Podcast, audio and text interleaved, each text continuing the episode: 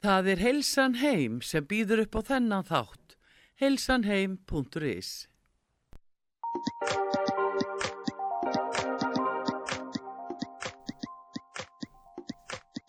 Komið sæl og blessu kæru hlustendur út á sögu Sigrun Kjartansdóttir heiti ég og þið eru að hlusta á heilsu þáttin Heilsan Heim. Við ætlum svo sannlega að tala um heilsun í dag og eitt þátt sem hefur gríðarlega mikil áhrif á heilsuna og miklu meiri margir gruna, það er svefnin. Og ég er með hana Dr. Erlu Björnsdóttir í Sálfræðing, einn helsta sérfræðing í svefnmálum hjá mér og við ætlum að spjalla núna um svefnin og allt sem við kemur honum. En áður en við hérna byrjum að tala um svona svefnin almennt og svefnbandamál og hvað við getum gert erla þá langar mér svo að heyra en síðir þið eru verðið með meiri hátta ráðstefnu núna 22. november um svefn. Já, það passar. Við erum með rosalega stóra og flotta ráðstefnu í hörpunni 22. november og erum að fá til landsins bara einn mesta sérfræðing í heiminum á þessu sviði. Hann Matthew Walker sem að skrifaði bókina Why We Sleep og var svona meðsölu bók sem fór sigur fyrr bara um allan heiminn Þannig að hann verður þarna aðal fyrirlesarin og svo verða líka innlendir fyrirlesarar. Þetta er þryggja tíma ráðstefna sem er ætlu bara almenningi og öllum þeim sem að hafa áhuga á svefni eða vilja bæta eigin svefni eða glíma við svefnvanda eða eitthvað slíkt. Mm. Og þetta verður bara einstaklega viðbörður og svo stæsti sem að hefur verið haldin á þessu sviði hér á Íslandi. Þetta er ótrúlega metnaðfullt hjá okkur og þetta er náttúrulega frábær fyrirlesari frábær fagmæður sko. Já, hann er alveg einstakur og það er ótrúlega gaman að hlusta á hann og hann hefur svona líka þann hæfileika að koma flóknum hlutum í einfaldan búning og halda aðtegli fólks og hann er skemmtilegur líka á sviði og hann að þetta verður algjörlega frábært og við erum rosalega spennt, auðvitað náttúrulega eru COVID-málinn eins og þau eru og maður þarf alltaf að hugsa um þau Einmitt. en hérna það er allavega eins og reglunar er í dag að þá getum við haldið hennar viðburð, hann er í eldborgarsal og það er stór salur og það rúmar vel um fólk og það verður bara grímuskylda og hraðpróf og við munum til dæmis vera með hraðpróf staðunum sem fólk getur tekið þar eða bara farið fyrir viðburðin og það kostar ekki neitt og hérna sínt bara neikvæði niðurstöðu og þá já. ættu allir að vera örugir. Já, já, og svo er líka bara, ég myndi jafnir bara ráðleika fólki að fara til þess að deginum áður, mm -hmm. þú, það er að fara bæði upp í kringlu eða þetta er svona húsnæði beintamóti kringlunni nýri í, í umferðarmistu og Suðurlandsbröðina, það er þetta pantið fyrir fram kostar ekki neitt, tekur bara 15 mínutur og þá ertu bara komið með þetta Algjörn. og þá er kannski frekar sko fyrir þá sem bara gleymi eða eitthvað nota hennir í hörpu. Einmitt, bara til að myndast ekki röð en þetta er algjör snild að þetta skulle líka vera komið niður eftir því stundum bara einhvern veginn að fólk ekki tökka og fara í prófið á þessum tíma. Þannig að mér finnst þetta mjög flott hjá okkur. Já, takk fyrir það. Og við erum bara þetta búið að ganga virkilega vel og mikill áhuga á sér ráðstöfnu og salan gengur vel.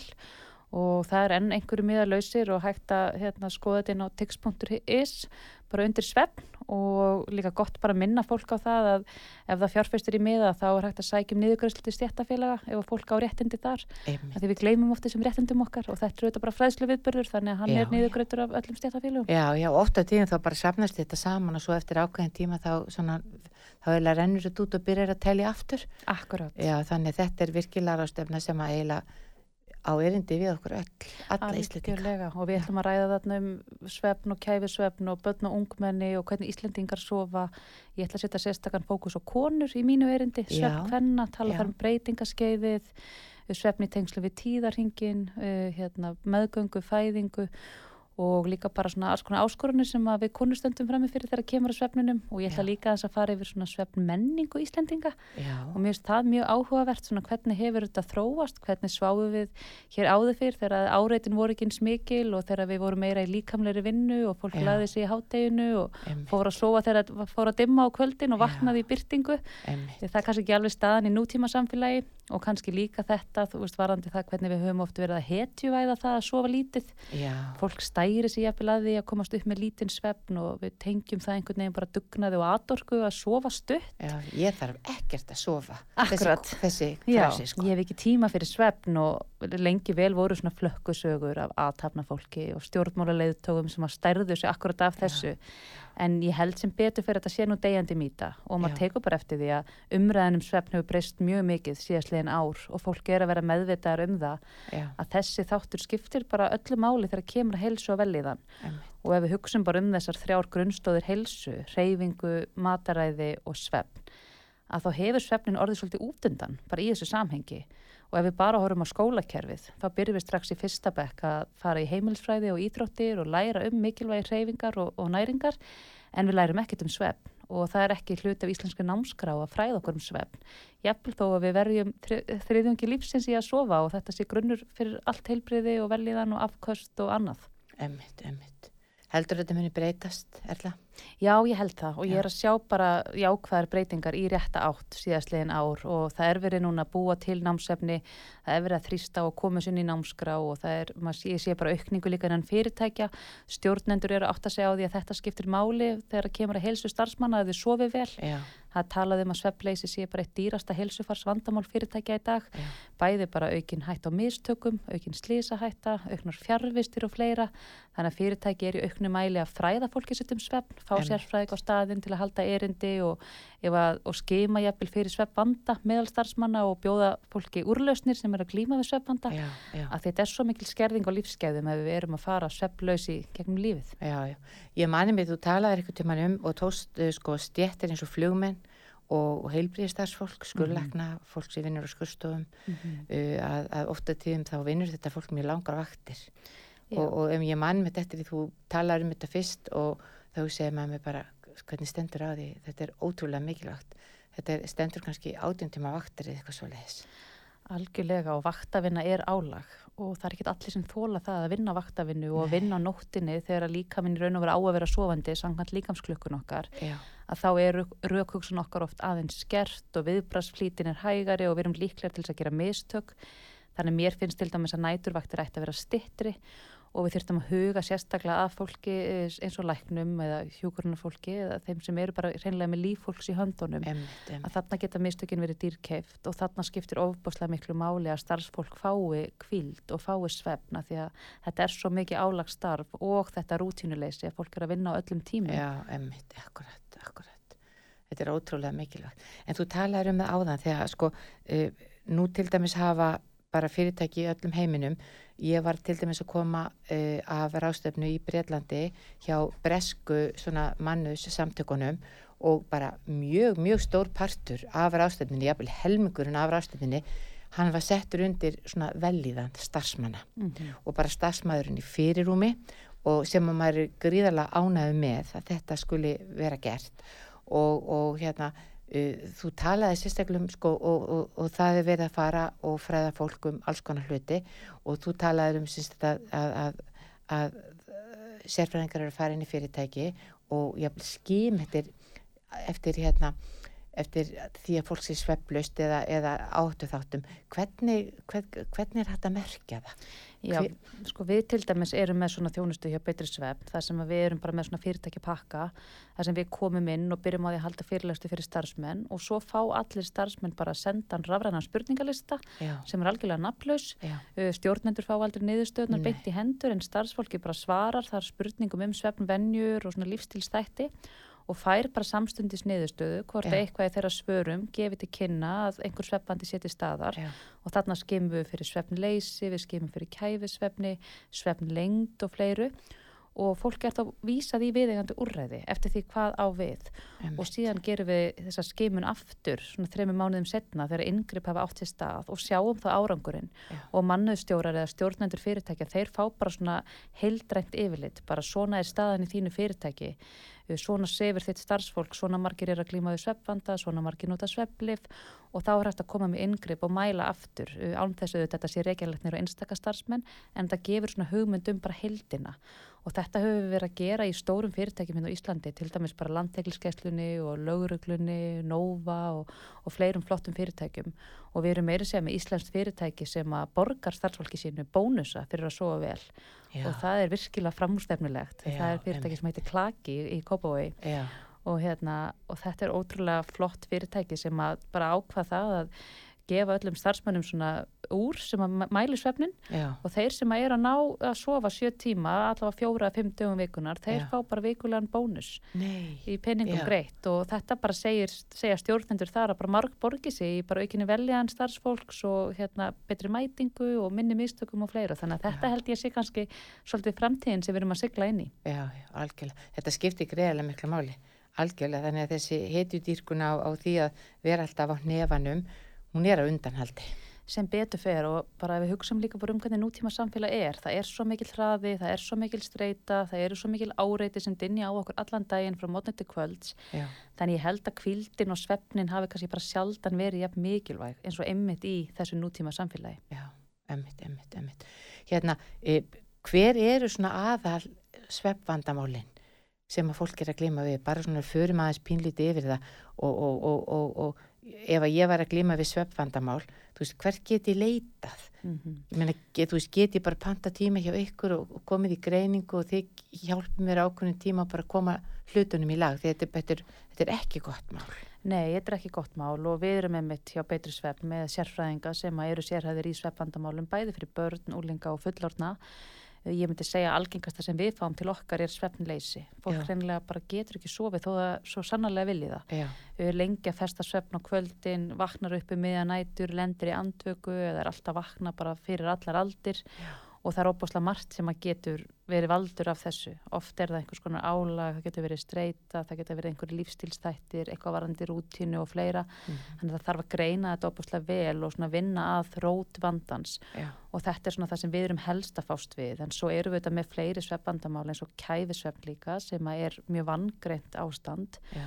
og er alveg nokkuð algengt líka og þetta er sveppsjúkdómur sem einkennist af því að fólk er að hætta anda í sveppni og þú hættir að anda í allavega tíu sekundur til þess að tellist sem svona öndunarlið og við Já. sjáum þetta fara stundum upp í tvær mínútur í eppil í einu í svona lengstu dæmin. Já, okay. og þetta er að gerast endur tekið alla nóttina. Já. og þessu fylgir bara falla súröfnismettun og gríðalegt ála og hjart og æðakerfið.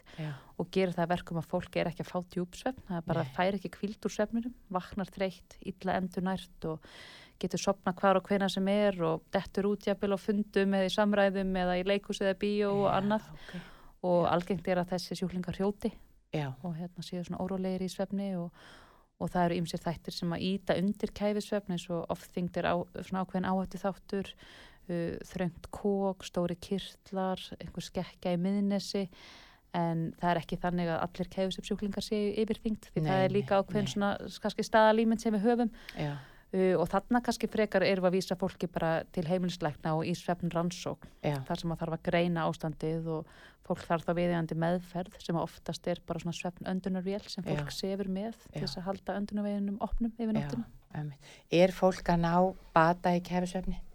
Já, uh, ef að það næra tilenga sér það að nota til dæmis þessa svefnvél að hún virkar óbúslega vel og í raun og veru er algjör lækning á kefisvefni en sumir eiga mjög erfitt með að aðlæðast í að sofa með svona vél. Það er ekki allir sem náð því.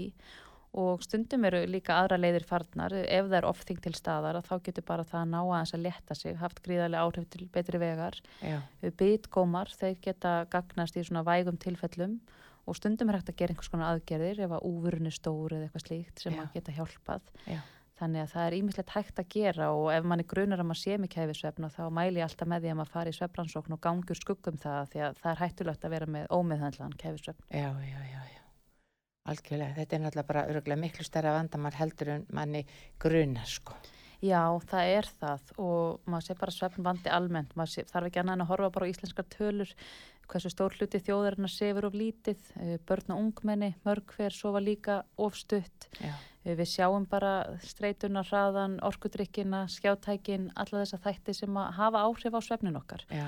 og geta bara gert það verkum að margir eru komnir í vítarring þar sem þeir ná ekki að rétta minstrið af sjálfur og þurfa einhverja aðstof frá fagaðölum. Já og það bara af því það hefur svo mikil áhrif á lífsgæði að vera sveflaus að það bara mæli alltaf með því að fólk leiti sér hjálpar og því fyrr því betra því að það er bara þannig um leið og þér finnst vandin vera orðin þá stóra hann er hamlandi fyrir því, hann Já. hefur einhver áhrif á hvernig þið líður á daginn. Emmett. að þá er bara komin tími til að, að leita ráða. Já, algjörlega. Hvaða uh, varandi svepplif, nú, nú eru margir sem hafa leist sko uh, hérna, sveppvandamáli með svepplifjum svona hver er þín skoðun á því, minn er það bara algengt eða getur þetta hjálpa til í stuttan tíma eða mm -hmm. á fólki að vera að taka þetta lengi alla æfin úr margir sem kannski taka halva töflu alla æfi Já, einmitt. Sko seflifinótkun er gríðarlega mikil á Íslandi og Já. bara með því mesta sem þekkist í heiminum. Markvall meiri heldur en bara hjá okkar Já. og það er ákveð ágefni. Sko sveflif geta alveg verið gaglegi í sumum tilveikum. Til dæmis þegar við missum svefn skindilega vegna einhverja breytinga í lífinu, áfalla, veikinda eða annað, Já. að þá geta þau gagnast þess að hjálpa okkur í gegnum svoleiðis tímabill. Já. En við eigum aldrei að nota sveflif lengur en fjórar vikur samfelt samkant klíniskum leiðbenningum. Uh, Notkun umfram það fer að hafa skadalega áhrif á okkur og kannski það helsta sem hægt er að nefna er að flest sveflefi að hafa þau áhrif að svefnminstri sjálft breytist. Þannig að við fáum minni djúpsvefn og minni drömsvefn og þetta er mikilvægt í svefnin. Þetta er svefnin þar sem við erum að losa út eiturrefni, við erum að endur nýja frumur og fleira mm -hmm. og út af því okkur skortir þennan svefn að þá erum við að sjá að langvarandi svefliðanótkun hefur áhrif á hugsun og minni, eigur hætt og heila hörðunar sjúkdómum, hefur áhrif á samhæfingu og jafnvægi. Fólk eru aukin hættu að detta á nóttinni eða þarf að fara á salernið eða annað, já, emmitt, slasa sig illa. Emmitt, emmitt. og við erum að sjá það síðastlegin ár þá er aðeins svona að draga úr sefleinatkun fullorna sem er mjög jákvægt þetta er samt gerist hægt og við erum ennþá alveg bara langt fyrir ofan aðra þjóðir. En þessur öfugt fara með börnin þar er bara rosalega aukning í nótkun seflefja og aukningin er bara rúmlega 300% á tíu árum Það er rosalega mikið, já Já, við höfum miklu ágjör af því að þetta er alveg ástjörnu það sem við erum að sjá annar staðar og það bara segir okkur það að okkur skortir uh, önnur úrræði fyrir börn með svefbanda. Við þurfum að auka aðgengi að öðrum lausnum já. og livja lausar lausnir eiga alltaf að vera það fyrsta sem við reynum. Sveflifin eiga frekar að vera þegar allt annað hefur verið reynd. Já, já. Er eitthvað rangt á bara í, sko, í munstri, munstrinu og heimilinu hjá okkur? Veist, eru við, við alltaf lín við til dæmis að passa skján hérna, notkun, mataræði, bara, Já, bara reglur. Algjörlega, þetta getur verið nefnilega svo margþætt og já. það er ofta erfitt að snúa við slæmum vennjum já, og það kostar vinnu og kannski eru fóröldrarnir bara hafa ekki tök á því eða tíma til þess að taka vandanum og þá eru auðveldur að gefa barninu lif en við verðum að komast að því af hverju séu við barni illa uh, og vinna með það, við verðum að uppræta vandana rótum, að því annars eru við alltaf bara bæla nefur einkenni og svo bara kemur vandin afturlega og barni hættir á lifinu og við viljum ekki gera börn háð söflöfum allt sitt líf. Nei. heldur verðum að vinna á þessu. Og eitt sem að mér finnst líka svo áhugavert varandi svefnin er það sko ef við hugsaum aðeins bara hvernig við tölum um svefnin að þá gerum við það kannski ómeðvitað bara þegar börn eru lítil þá byrjum við að gera það að vaka og spennandi en svefnin er eitthvað sem er leiðilegt Ég held að til dæmis margir fóröldra kannski hafa gerst segjur um það að þú ert að skamma barni þetta kvöldi að ef þú hættur sér ekki og þú verður ekki hérna, stilt þá verður bent að sofa. Rétt. Þannig að svefnin er allt í nún repsing Já, á meðan að heru, það er kósi kvöldi kvöld, þú mátt vaka ekstra lengi. Já. Þannig að við gerum það óbúslega spennandi á meðan að svefnin er allt í nún einhver kvöð Já, og þess vegna finnst börnum svo spennandi að vaka en svo leðilegt að sofa.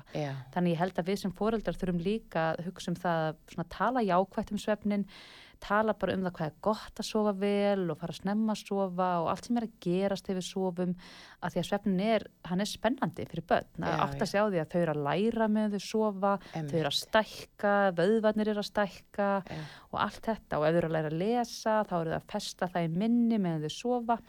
Og þetta var svona eina ástæði að ég gaf um þetta út barnabókina í fyrra hann um svefnfyririldin að þarna langaði mér svolítið að koma þessum svona jákvæðu skilabóðum um svefnin á framfæri til barna þannig að við gerum ekki svefnin að einhverju svona leiðinda kvöð. Já, ég nefnilega er ekki alveg vissum það kannski allir fóreldur og fullori fólk átti sig að mitt á þessum þætti þessum lærdomsþætti sem á sér stað í svefnminstrinu. Einmitt, það er náttúrulega svo ofbáslega margt sem er að gerast í heilunum þegar við sofum. Uh, allt sem við heyrum, lærum, sjáum yfir daginn. Við erum að fara í gegnum öll þessi áreiti, við erum að flokka áreiti, við erum að festa upplýsingar í minni, við erum að færa upplýsingar úr skamtíma minni yfir í langtíma minni, við erum að reynsa til og við erum að búa til svæði til þess að við getum lært nýja hluti næsta dag. Já. Þannig að svefnin er algjör forsenda þess að við náum að vera með góða hugrana færni, einbettingu og minni og annað og það er náttúrulega svo áhugavert, ég man það svo vel sjálf bara þegar ég var í mentaskóla, þá var það svona lenskan að áður að fór í próf og þá vakti maður alla nóttina já, og læriði já, alla nóttina já, og svo mætti maður bara beint í prófið. Einmitt. þetta er svo óbáslega vittlis hugmyndafræði vegna þess að þarna þá nærði ekkert að vinna úr sem þú ert að læra, þú nærði ekki að festa þær í sessi. Nei, það eru bara allir rúi. Það eru bara allir rúi og maður lendur í það og það þess vegna þegar við erum undir einhverju álægi þar sem að reynir akkurat á einmitt húrana færni og einbyttingu að þá er svefnin sérstaklega mikilvægur á þannig tímum. Já, já, algjörlega. og þetta á síðan alltaf bara stað fyrir fólk sem er í vinnu líka þess vegna skiptir að máli fyrir fyrirtækin að fólki sofi vel. Algjörlega. Svefnin er bara ótrúlega mikilvæg, sko. Já, hann hefur bara áhrif á allt sem við gerum í okkar daglega lífi og, og bara í raun og veru alveg sama hvaða verkefni við erum að taka okkur fyrir hendur. Við leysum þau alltaf betur ef við erum vel út sofin. Og ég held að það þekki það flestir sem að hafa upplifað það að verða andvaka og flestir hafa nú öruglega upplifað einhver tíman. Einmitt. Að maður er svolítið að keira bara á svona hálfum tanki. Þráðurum hans er stittri, maður er meira ójafæði tilfinningalega, maður er viðkvæmari, maður borðar öðruvísi fæði, maður fer í óhaldlustu, Já, sækir í sigur, skyndi orku og maður er bara ómögulegur á svo mörgu leiti og svo er meitir einbyttingin ekki góð og skamtíma minni er ekki gott og það er svo opaslega margt sem að fer niður á við þegar Já. við höfum ekki fengið fulla nætusvefn. já, já, einmitt. Ég, akkurat, ég hérna, prósendutalan sem, sem að, sem að, hérna, þi- við á Íslandi höfum verið að nota, þú, þú hefur verið að, hvað eru cirka margir að glima þessu svefnleysi? Ég, einhvern tímann heyrði ég, hvað, 30%? Já, það er um þriðjungur fullorðina sem að glýmir við svefleysi á einhverju tímapunkti Já, og kannski hjá svona 10-15% að þá verður þetta svona krónísku vanda og Já. langarandi vanda þar sem fólk virkilega þarf aðstof fagaðila til að komast út úr þessum vítarhing. já, og við sjáum það alveg, við til dæmis erum alltaf með svona hópnámskeið uh, við svefbanda og það, þar hittist hópur fólks 10-12 mann sem allir eru að glíma við sama vanda og hittist vikulega í 6 vikur með sálfræðingi og það er verið að fara yfir svefnminnstu hvers og eins og yfir vandan og fræða og annað. Og þarna sér maður líka hvað er mikilvægt fyrir fólk að hitta aðra sem er í sömu spórum af því að kannski vegna þess að fólk sem ekki glími við svefbanda, það skilur þetta ekki alveg. Það er einhvern veginn bara, farið bara að sofa já, veist, já, það ég sef, já, ég, ég sef alltaf eins og, já, Já, ymmið, þannig að það er svo gott dett að úti í leggst á Já. kvartan og svo bara vakna ég klukkan bara sjö.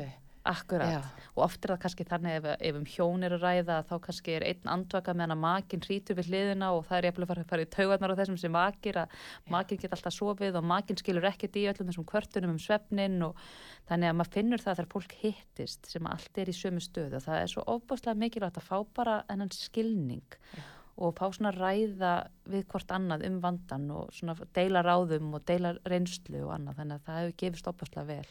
Já, já. Hérna, ef við horfum bara aðeins tilbaka, hérna, e, sveppandi batna unglinga, er hann tiltölulega þannig laga nýtilkomin eða hefur hann alltaf verið, er hann að aukast, er þetta eitthvað í bara nútíma samfélagi sem er að gera þetta verkum? Sko, Hvernig var þetta í gamla dag? Já, ég held að þetta sé öruglega bæði sem er rétt. Auðvitað Já. hefur einhver sveppandi alltaf verið til staður og sérstaklega hjá úlingum að því að úlingar eru með svona senkaða líkamsklukku og úlingar hafa alltaf átt svolítið erfitt með að vakna á mótnana og það er ekkert nýtil komið. Já. En ég held hins vegar að því miður þá sé þetta kannski að aukast og það eru þetta bara nýjar áskorunni sem við stöndum fyrir í nútíma samfélagi Já, og það eru þessi áreiti, Já. það eru þessi samfélagsmiðlar, við þurfum alltaf að vera tengt, sífælt, við meðum ekki missa neinu og það er of örfin í gangi einhvern veginn, allan, allan hérna, liðlangan daginn og alveg fram á nótt og svo eru það orkudrykkirnir, við erum að neyta gríðarlega mikil smagn og orkudrykkjum hér á Íslandi, bara því að það mesta sem þekkist í Evrópu. já, Við erum að heyra dæmum það að börn lendin á bráðamótöku í hjarslátt og óreglu eftir of mikla neyslu koffindrykja. já, Þetta er líka eitthvað sem er mjög varasamt og því miður ef maður skoða bara hvernig þessi drikkir eru markasettir að þá er verið að nota áhrifavalda, það er verið að nota ungt afreiks íþróttafólk og fyrirmyndir ungs fólks Já. til þess að auglýsa þessa drikki. Þannig að fólk tengir þetta við eftirsókn að vera eiginleika, Já, já. hilsu og fegurð og allt árangur. þetta, árangur. Og þetta er varasamt Já. og þarna þurfum við að vera með einhverja skýrari reglugerðir Já. og bara maður hugsa um það, margir þessar að drikja innihalda það mikið magna koffíni að þeir eru raun og veru bannaðir innan átján ára Já, en svo getur eiginlega labbað inn í hvaða stórverslun sem er og bara afgreitti sjálfur á sjálfsákrullu kassa og Já. hver allar að fylgjast með því þá að úlingar sé ekki að kaupa sér þessa já, drikki. þessi drikki, ég veit algjörlega rétt, sko.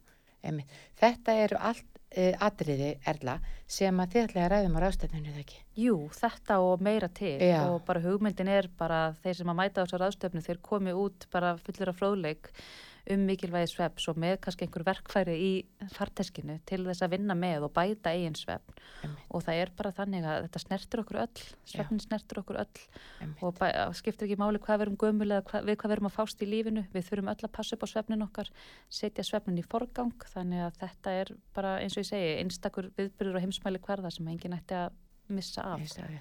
Það sem ég finnst ótrúlega spennandi fyrir utan sko erlendi fyrirlesturinn er, náttúrulega meiri hátar en það sem ég er svo spennandi er efni sem þú ætlar að tala um sem eru svefnin og konur Já, vegna þess að ég held að, að, að, að, að að það sé að mörguleiti það eru kannski ekki allir að ræða að sko að, að viðkenni þetta eða átta sig á hvað, hvað þetta skiptir miklu máli og bara fara nefanum og svo er breytingaskeiðið og mikið álag og, og, Algjörlega. Og sko svefleysi er algengra meðal hvenna og það er mjög áhugavert að velta því fyrir sér hvaða er sem skýrir það og Já. streyta er algengari og ef við skoðum bara tölfræðan hjá virk að þá erum tveir Já. þriði af þeim sem eru þar í, það var dotti út af vinnumarkaði út af kulnun eru konur Já, og maður veltir því fyrir sér, nú eru konur auðvitað komnar á vinnumarkaðin til jafs við karla en Rétt. eru þeir ennþá að standa skuggavaktina heima? já, Þú já, veist, að sinna frekar börnunum þegar þau eru veik eða skuttli barnamál og sækja fótballtæfingar og allt þetta sem að hérna, veist, hvernig eru hlutinni þarna? Það eru að taka lengra fæðingarólof og kannski, veist, e- það eru svona áskorunni sem eru enda til staðar og við erum enda með launamun og já, það er alls konar hluti Og stöðumunur og stöðumunur og annað þetta eru áskorunni sem að hafa áhrif á Einmitt, okkur konur og þau hafa áhrif á svefnin. Og sumarannsóknir benda til þess að konur þurfi að upplægi lengri svefn en karlar. En kannski út af þessum áskorunum að þá erum við kannski ekki alltaf að fá þann svefn sem við þurfum. Nei, og það, við sjáum það allavega bara í tölunum varandi svefleysi að það er aukin áhættu þáttur að vera kona þegar að því kemur. já, ótrúlega spennandi er þetta. Þannig ég segi bara, kæru konur sem eru að hlusta, það er engin spurning, við ætlum að fara og kíkja á ráðstöfnuna 22. november í hörpu Já. sem fjallar um svefn og þetta verður gríðarlega áhugavert að, að hlusta á þig og alla hinn að fyrirlesarana og það er þetta að kaupa miða bara á tix.is, bara að leita svefni Já, og mér finnst það sem mér finnst líka sko áhugavert er það sem að, að það er í raunveru að við getum fengið miðan okkar endurgreitan ef við ef við eigum í, í starfsmættasjónum okkar í verkefælisfélagun. Já, algjörlega og við erum líka með afslátt fyrir örkja og eldriborgara. Já, Það er bara hægt að hafa samband við mig á erdaðalbeitisvefn.is Já. og ég get gefið fólki upp leiðir til þess að- nýta það. já, frábært, bara bestu þakkir. Erla, takk hérlega fyrir komuna og ég segi bara til hamingju með afstöðinu og ég hlakka til að fara að hlusta. Takk fyrir. Já, og kæru hlustundur við ætlum að taka örstuðt hlið og svo kem ég aftur. Það er Heilsan heim sem býður upp á þennan þátt. heilsanheim.is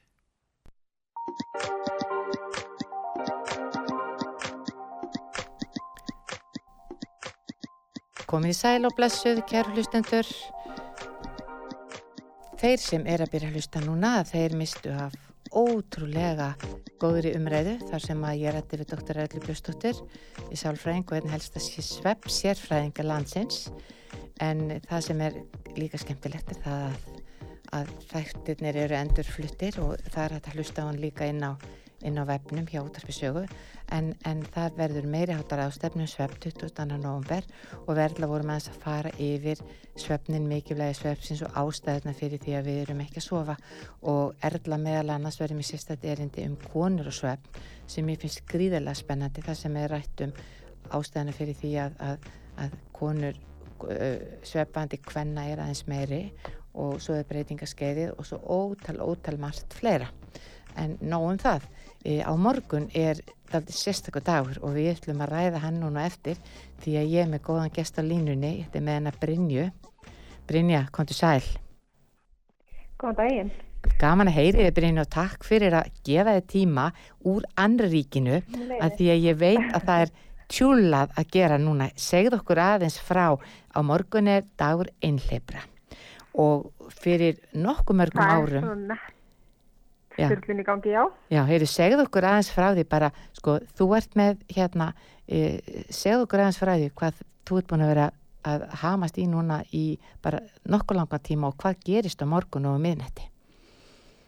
Herði, á morgun, sérstu að í kvöld á miðnætti, Já. þá opnar 11.11.is heima síðan mín Emmitt, emmitt, og hún er að opna í þriðja sinn núna, þetta er þriðja árið sem að hún er virk emmitt, og hún er svona eins konar reglíf utan um öll, eða svona mörg af þeim góð tilbúðum sem er í gangi núna á singulstegi sem er á morgun. emmitt, emmitt, emmitt. og þetta er náttúrulega svona asísku dagur í upprunan Alibaba byrjaði með þetta hérna risin sem á, á hérna AliExpress Já, emmitt, emmitt, emmitt. og nafnið þetta er dreifða þetta nafnið sitt af þessi- þetta er í rauninni dagur fyrir einsleipa því þetta er 1111 Já, en emmitt, hefur orðið bara þessum risastóra net útsölu degi já, emmitt. Og Og þetta er, þetta er ég hef ó, svona ótrúlega stór þetta hér. dagur, sko, já, emmitt, emmitt, já þetta er bara einn stærsti dagur eða stærsti dagur ásins í netsölunni og og ég hef svona haldið þetta um hann hér og, og byrjaði þetta hér og, er núna komið með þessi síði sem heldur þetta um öll tilbúin Já. og er svona hvetja fólk til þess að náttúrulega bæði er ennþá COVID, það er við erum ekki slokkið út úr heimsfaraldri, Nei, þannig að við erum að reyna að forðast svona mannmerð og, og jólaösina. Og það er ekki að lagast. Og, og það er ekki að lagast lagast. Þannig við eigum þannig bara, ég er að hvetja fólk já, við eigum til bara að vera heima. frá netinu og sleppa Já. við að fara, fara í ræðirnar og, og mynda Já. allir all, all, all, yngveiti sem myndast. Emmitt, emmitt, akkurat. Akkurat því að flestar vefverslanir að það er senda heim og, hérna, Já, og, og svo getur þú bara setið í róliheitum og þú far líka e, á, ég, því ég, ég, ég hef fylgst með þið núna undan fyrir ár að það er bara ótrúlega einfalt mál að fara inn á síðuna og þá sérðu í raun og veru öll fyrirtækin og öll merkin sem eru að bjóða afslátt á morgun eða ekki. Jú, þetta er rauninni bara, svo er flokkar til þess að einfalda þetta ennþá frekar og leitar vel á síðunni, þannig að þú skal leita eitthvað ákveðinu verslun sem þið langar að viðskipti við, þá getur þú bara sleið henni inn og svo getur líka að fara í flokka sem eru henda ást, þú veist að barnið þetta er í einhverju jaðarsporti, það farið bara í útvist og sport og þar getur þú keft eitthvað á, á skilur fyrir það sem henda því eða, eða vantar eitthvað fyrir heimili, það farið bara í flokk sem heitir fyrir heimili eða skart og þess að þannig að við erum búin að reyna svona að einfalda þetta eins mikið og við getum, þannig að þetta svona sem notendavæn. Emmitt, emmitt, emmitt. Þannig þetta verður ótrúlega spennandi og, þeir, og, og, og það, það eru fjölmörg fyrirtæki sem taka þátt. Mikið af bara Já, stórum langt yfir vinsælu 300 merkjum. Vá, það er ótrúlega flott. Já, Já, ég bara mælu með að fólk sé bara skipulagt, sé búið að gera lista hvað það langar að gefa hverjum og einum og náðu svolítið að klára jólinn í kvöld og náðu að njóta aðvendunar, þannig að það sé ekki stress endalaust. einmitt, já, já. Og það er líka bara gott að dreifa greislunum. Akkurat. Já. Við erum ekki að gera þetta allt, bara fá allt, að- sko fá öll jólin, bæði matinn og, og jólatónleikan og það á sama tíma, sko. Já, Akkurat. Og svo er einmitt þetta að nota, ég er í samstæði með netgíró á síðunni, þannig að ég nota það alltaf, þannig að ég þarf ekki að setja inn kortaupplýsingar fyrir hverju einstu, ég eitthvað bara netgíró, það fer það bara, og reikningurinn kemur bara tíminn í bankanum, þannig að þetta er alltaf mjög, mjög þægilegt. já, frábært, alveg frábært, akkurat, sko. Meiri háttar. Og fyrir fólk sem að, sem sagt ætlar að nýta sér þetta ekki spurning, við ætlum að nýta okkur þetta, þetta er bara algjör snild, að það slær bara inn, bara hérna vaffafaf, eða þú veit hvað þeir eru svo sinnum, hérna, hérna og síðan bara einn, einn, einn punktur í sér það ekki, það er bara, Jú, 1111. já, einmitt fjóri sinnum Ellefu, einn punktur í sér og þá ferði bara inn á síðuna og bara þá bara blasa öll vörumerki við og þú bara skrollar niður og, og svo smellar þau vörumerki og þá ertu bara komin inn á, inn á, bara inn, inn í vefverslunina. Já, Já, það er rétt. já, ef við tökum til dæmis bara pizzaopna, ef ég ætla að kaupa, ef ég ætla að gefa fjölskyldunum pizzaopni í, í jólagjöf, að þá bara Mm leita ég að merkinu þeirra smetla og þá er komin inn á vefsíðuna og, og Já, svo bara ítir vesla á vaksina og þeir leiða þið áfram og það er afsláttur og Já, þá ertu bara all set. já, svo, og, og, og, og fyrirtekin eru að bjóða sko ímiskonar afslátt mismunandi Já. prósentur og stundum eru, eru gjafir með og alls konar þannig að þetta er bara ótrúlega gaman gaman og Já, fjölbreytt og svo erum við eitt flipa sem er svona góðgerða, þannig að að gefa með að kaupa skókja- skógjafir, til dæmis gefa jarðnetumauk fyrir börn í Afríku. já, Þannig að það er alls konar líka gott hægt að styrkja og láta gott fyrir leiðarninni. já, bara spennandi mér það líka alltaf falli hugsun svona fyrir jólin og, og fólk er líka Já. farið að nýta sér það pinliti því að þú veist, auðvitað vil maður þú veist, í öllu jólafárinu og maður kaupir og kaupir og kaupir að maður getur látið gott að sér leiði leiðinni þá líður öllum betur sko. og eigum að sjálfsögða að gera það Akkurát, alveg sammála því. Já, algjörlega. En, en Brynni, ég veit að þið hafi sko nóg að gera og þetta bara er ótrúlega spennandi og nú er bara um að gera kærlustendur bara þegar klukkan slær tólf þá bara, þá opnar síðan og hún verður alveg virk til bara 11.59 til þá hún slær tólf annað kvöld og fólk getur sem sagt bæðið, það eru, það eru mjög margir sem kannski bara býða hérna og byrja hans að kíkja jafnvel í kvöld og, og, og, og, og síðan bara skoða þetta vel á morgun og klára svo jafnvel bara á morgun og annað kvöld sko.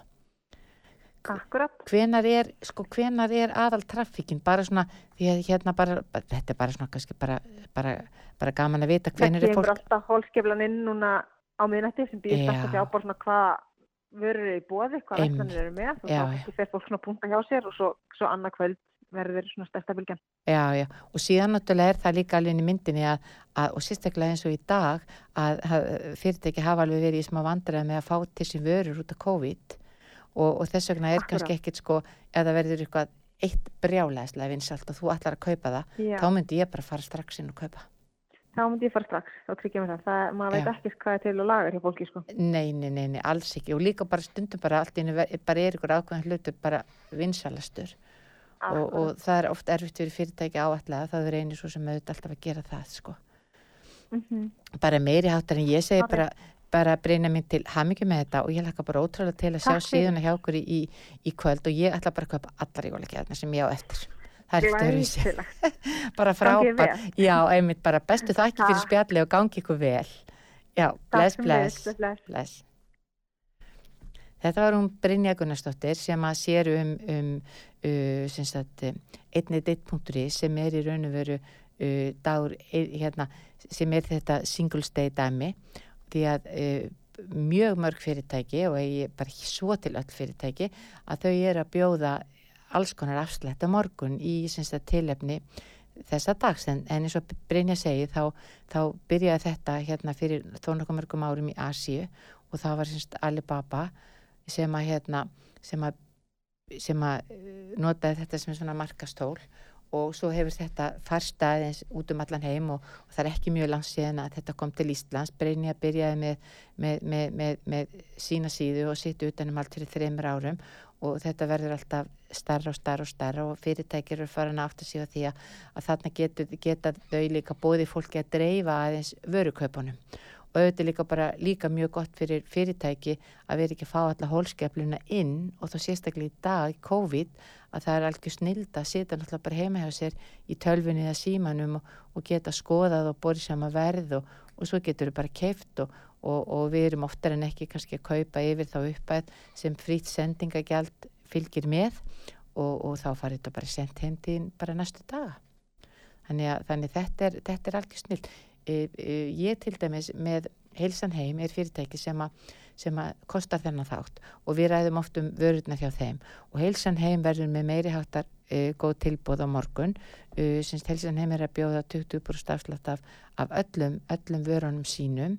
20% afslátt af, af öllum uh, kollagen húðveru húðverunum frá, frá Kolvei uh, Blue Diamond línunni og, og, og þetta eru meiri þetta eru meiri og minna bara mjög góðar jólagjafir. Uh, það, er, það er bara ég myndi, sko það er fátt skemmtilegur en að fá eitthvað svona sem kemur manni pínu óvort og maður getur nota fyrir sjálfan sig. Og, og ég myndi til dæmis mæla með því að, að fyrir ykkur, ykkur kæru, kæru eigin menn og, og kærastar og, og pappar og sínir að að gefa mömmunum og konunum og ömmunum til dæmis bara Blue Diamond rækakremi frá kolvi og ef þið viljið geða aðeins meir þá er þetta bæta ímsu við. Og það munar alveg heilmikið um 20% og síðan samlega því er heilsanheim alltaf með mjög hagsta tilbóð ef þú kaupir fleirin eina vöru, tvær vörur, þrjár vörur að þá er þetta oftar en ekki að fá eina vöru ókipis. Þannig að samlega því sem að heilsanheim er með 20% afslátt, svona single stay afslátt á stökum vörum að þá getur þú líka skoða þá bara tilbóðin sem er á síðunni og, og þau eru alltaf mjög hagstæð líka. Og Heilsanheim er ekki bara að selja kollegin húðvörðunar frá Kolvei. Uh, Heilsanheim er líka að selja alveg ótrúlega vinsælur og skemmtilegar jólahúður núna. Og þetta eru jólahúðunar sem eru með ljósunum í, þú bara smellir á napp í húni og þá byrjar, hú, þá byrjar ljósin að blikka og þú getur verið með þau stöðu, þú getur látið blikka og þú getur haft þau bara ekki uppljómið og við eigum sko, við eigum 16 típur af húum og þetta eru húur sem passa á alla, alveg bara þetta er svona one-size húur og alveg saman þó sett með eina litla tveggjara eða hvort það er pappin að þá er þetta húur sem passa, passa á alla.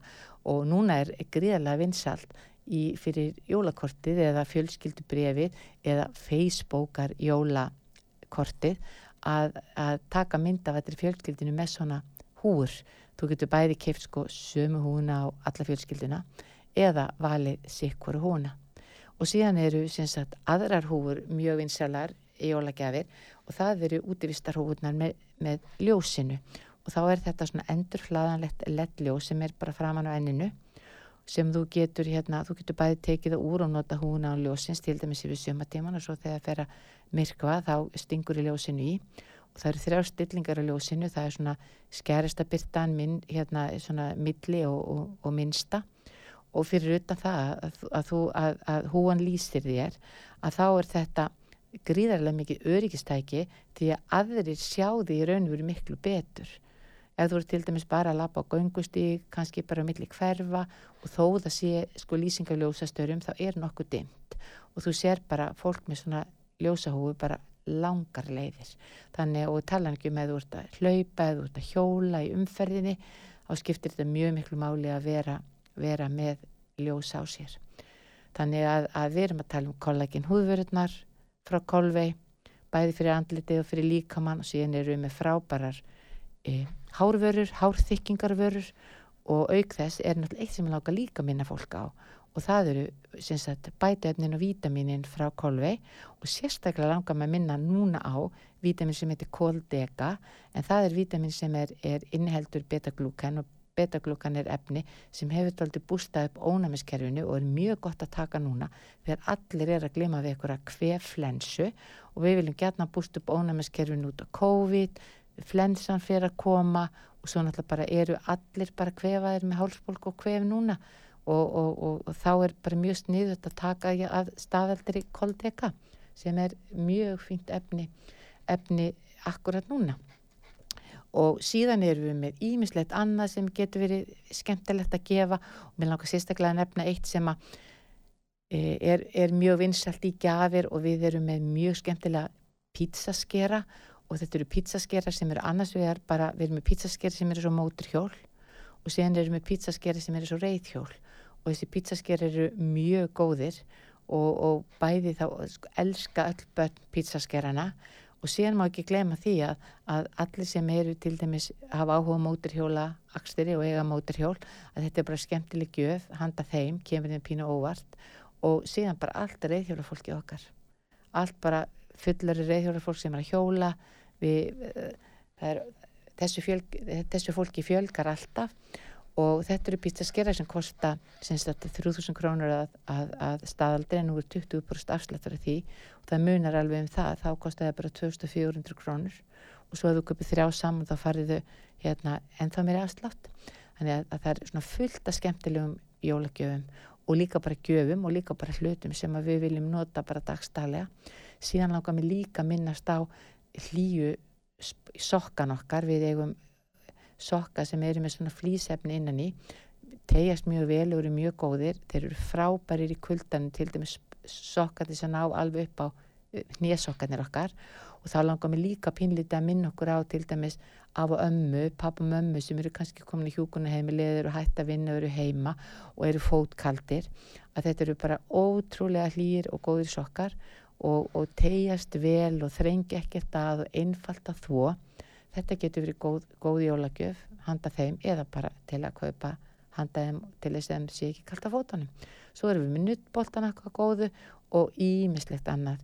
Ljósa hlaupa belti þannig að kíkiði endilega inn á heilsanheim.is og þar getið þið valið um alla þessa vörur og morgun frá með miðnetti og til miðnettis annarkvöld að þá erum við með 20% afslátt af öllum vörunum okkar og það munir við minna. Og við sendum heim með kefti fyrir meirinn 10.000 krónur og annars getur fólk þá borgað sendingakostna sem er bara hluti af sendingagjaldinu sem við erum ykkur og síðan getur fólk komið til okkar og sótt það sem það vestlar og síðan er líka annað sem ég langar til, a, til að nefna. Nú er gríðarlega vinsalt fyrir í fjölskyldum að baka sínar eigin pítsur og það er ekki langt síðan að pítsuopnar.is fór að selja gaspítsuopna hér á Íslandi og þetta eru bæði litlir opnar og stærri opnar sem að þú bakar þín eigin pítsu í, þetta eru hitin í opnanum, hann, fer upp í 450-500 gráður. Þannig að pítsan bakast bara 90 sekundum og verður náttúrulega ótrúlega góð. Og þarna eru sko bara heilu fjölskyldunar að bara hittast kannski, ofta tíðum er þetta svona föstutaskvöld, þetta er skrítið, þetta er, það eru pínum svona pizzakvöld. Og það er bara, er, er annarkort sko degi búið til, hvort sem það er bara venilegt degi eða súru degi eða keift út í búð, það er bara mjög einfalt að kaupa tilbúið í öllum stórmörkuðum og líki bakarjum og svo bara byrjið til þín einn pítsu og hver og einn velur ofan á hana það sem hann vill, setur pítsusósana sósana sem er pepperoni aðrir, aðrir nautak, aðrir hérna, osta og það er ótrúlega gaman að sjá það sem fólk setur á pítsuna og síðan bara býr hver og einn sína eigin pítsu þú getur ráðið alveg starðin á henni og svo borða allir saman. Setja fyrst að búa til pítsuna tekur 90 sekundar að baka hana í þessum gaspítsaofni frá pítsaofni.is þannig að, að, að fjölskyldu jólgjöfin í ár hún getur verið algjör snill gaspítsaofn og á morgun þar að segja Singles Day sem byrjar þá við miðnetti til miðnettis að þá ætla pítsaofnar að bjóða uh, frían pítsuspaða eigin vali með hverjum ofni sem er keftur og þetta er algjör snild opnarnir kostar bara 59.900 krónur og síðan er bara pítsuspaði sem að getur alveg verið frá 5.000 og upp í, í 10-15.000 sem fólk getur það bara valið með. Þannig að mér langaði kæra hlustundur að, að, að, að láta ykkur vita af, af því sem að heilsan heim sem að kostar þennan þátt er að, er bjóða morgun.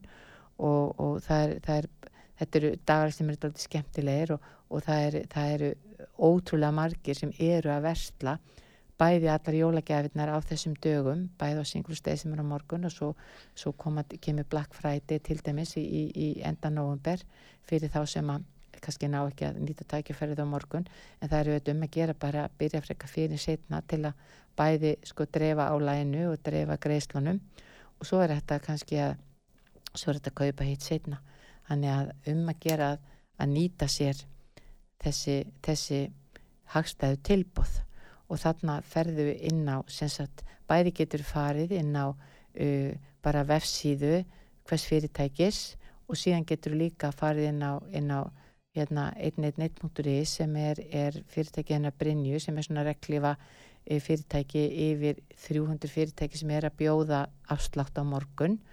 Og, og þar getur til dæmis bara farið og valið uh, pizzaopnar.is og sér það strax bara logoðið er á myndina smellir á það og þá ertu komin inn á vefsíðuna. Og síðan getur þú náttúrulega líka farið bara, bara inn á pizzaopnar.bind með því að slá inn bara www pizzaopnar.is og þá ertu komin inn og þá getur þú valið setur í körfi borgar og, og farið sendt heimdiðin eða sækir. Þannig að þetta er, þetta er algjör snilt það er ekkert öðruvísi. Þannig að þetta þetta myndi ég sko hygglust allavega mæla með að þið kíkið, kíkið á. Og svo er stundum bara alltaf gaman að sitja í róliheitum og, og skoða hvað er til og, og svo megum við heldur ekki glema því að það er bara mjög gott að, að bara að fara í jólagjafa innkaupin bara freka fyrir en setna og geta þá notað aðvenduna til að hafa það hugulegt með fjölskyldunni, farið út að ganga í goðverðinu, farið sund föndra, sita við kertaljósið, baka, spá aðeins í, í jólamatinn og pakkin í jólagjöfunu sem við ætlum kannski að kaupa morgun. Þannig það er svona ímislegt, ímislegt í, í gangi sem er, er gaman að segja frá. Síðan langar mig, sagt áður en ég hætti, þá langar mig til að minna enn og aftur á e, svepprástöfnuna hennar Erlu Bjöstóttur sem verður 22. november. Við rættum hér um, um svefnin og mikilvægi svefsins hérna í fyrir hluta þáttarins og svefnin er mjög vanmetinn og við áttum okkur ekki ofta á því hvað gerist í svefninu. Við höldum í raun og veru bara líka með sig að kvílast en það er svo ótrúlega margt í gangi líkamannum sem er að endur nýja sig, sem er að læra og, og líkamann er pinlítið að laga til á nóttinni líka. Þannig að, að það að sofa illa og sofa lítið og sofa ekkert, það er ekkert grín. Og ég ráðleg fólki sem er að, að glíma við þetta og hefur ekkert gert í því að leita, leita til læknis. Og svo er líka að leita til sérfræðinga og fyrirtækja eins og til dæmis betri svepp sem, sem erðlaði með og það eru bæði svona hópnámskeið og námskeið bara það sem þú getur farið og bara leita ráða einn og sér það sem er að unni pínlíti með þig. Því að það svo lítið er, er, er bara alls ekki gott og það skerði lífskeiði og, og, hérna, og, og eigur vanlíðan. Þannig að, að ef að þið hafið e, og svo er líka svefnir eitthvað sem við eigum bara að hafa áhuga á alveg svo við höfum áhuga á mataræði við höfum áhuga á hreyfingu og við eigum líka að hafa áhuga á svefni og þó það sé ekki bara fyrir okkur að þá eru börnin okkar, fórildrar okkar, makarnir okkar sem að kannski er að glíma við söpleysi og, og við getum þá kannski frekar svona greint hvort eitthvað, eitthvað er í gangi sem ætti ekki að vera og, og, og vitum þá og lærum leiðir til að bæta úr því og svo framvegis. En kæri hlustendur, við erum komin að lokum þáttarins í dag. Mér langar til að minna á 20% afsláttu sem helsan heim og pítsopnar.is bjóða á morgun á singlesteg en til að farið inn á vefsíðuna þeirra www.heilsanheim.is www.pítsopnar.is eða þið getur líka komist inn á, á síðunar okkar í gegnum, gegnum 111.is og heilsan heim til dæmis tilbúið þeirra er 20% og þú þarf ekki að setja neitt kótið en eitt og bara ferðin og velur og það er búið að lækka vöruna. Pítsofnar er að bjóða ókipi spaða með hverjum pítsofni, það munar um minna að spartnaður upp í hátti 10.000 krónur, ég er bara hátti 20% af, af því sem þú ert oft, oft á tíðum að kaupa. Þannig um að gera nýta sér það single stay á morgun dagur einhleipra en við ætlum að nýta okkur tilbúin sem verið er að bjóða og reyna að eiga góðan tíma á aðvendunni til að njóta. En kæru lustendur, ég þakka fyrir mig í dag og ég við heyrumst aftur eftir viku.